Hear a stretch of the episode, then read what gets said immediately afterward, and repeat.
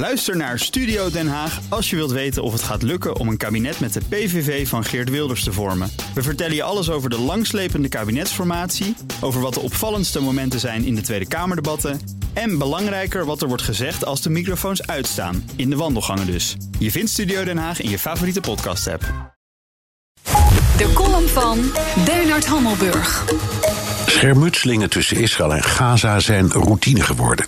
Er is een vast patroon. Dit keer de beschieting van twee Israëlische grenswachters, gevolgd door een Israëlische luchtaanval, gevolgd door een barrage aan raketten uit Gaza, gevolgd door Israëlische bombardementen, gevolgd door discussies over proportioneel geweld, gevolgd door een staakt het vuren. Toch was het dit keer net een beetje anders. De raketaanvallen uit Gaza kwamen niet alleen van Hamas, maar van het concurrerende islamitische jihad.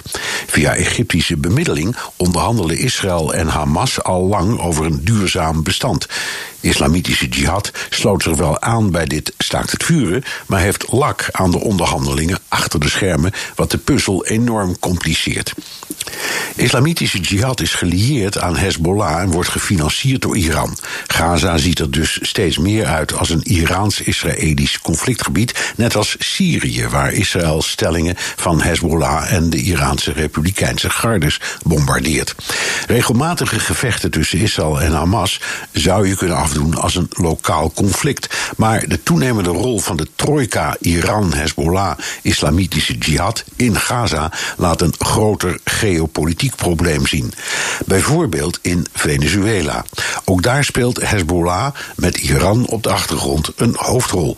President Maduro's rechterhand, Tarek al-Aissami, heeft met behulp van een groep rijke kompanen Hezbollah-eenheden het land ingesmokkeld die twee taken hebben: het op gang houden van de gigantische drugshandel en het assisteren bij het onderdrukken van de oppositie. Volgens de New York Times gaat het om een zeer omvangrijk bolwerk dat een net van corruptie en invloed om Maduro en de legertop in stand houdt.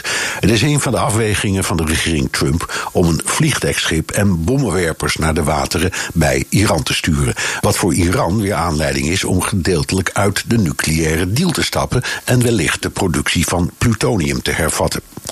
We kunnen het nieuwste conflict in Gaza dit keer dus niet afdoen als de zoveelste burenruzie met Israël of met de zoveelste discussie over proportioneel geweld. Syrië, Venezuela en Gaza hebben één grootste gemene deler en die heet Iran. De messen worden geslepen. Bernard Hammelburg, buitenlandcommentator en op woensdag altijd onze columnist. U kunt zijn column al zijn columns terugluisteren op bnr.nl. Geldt ook voor andere, andere columnisten.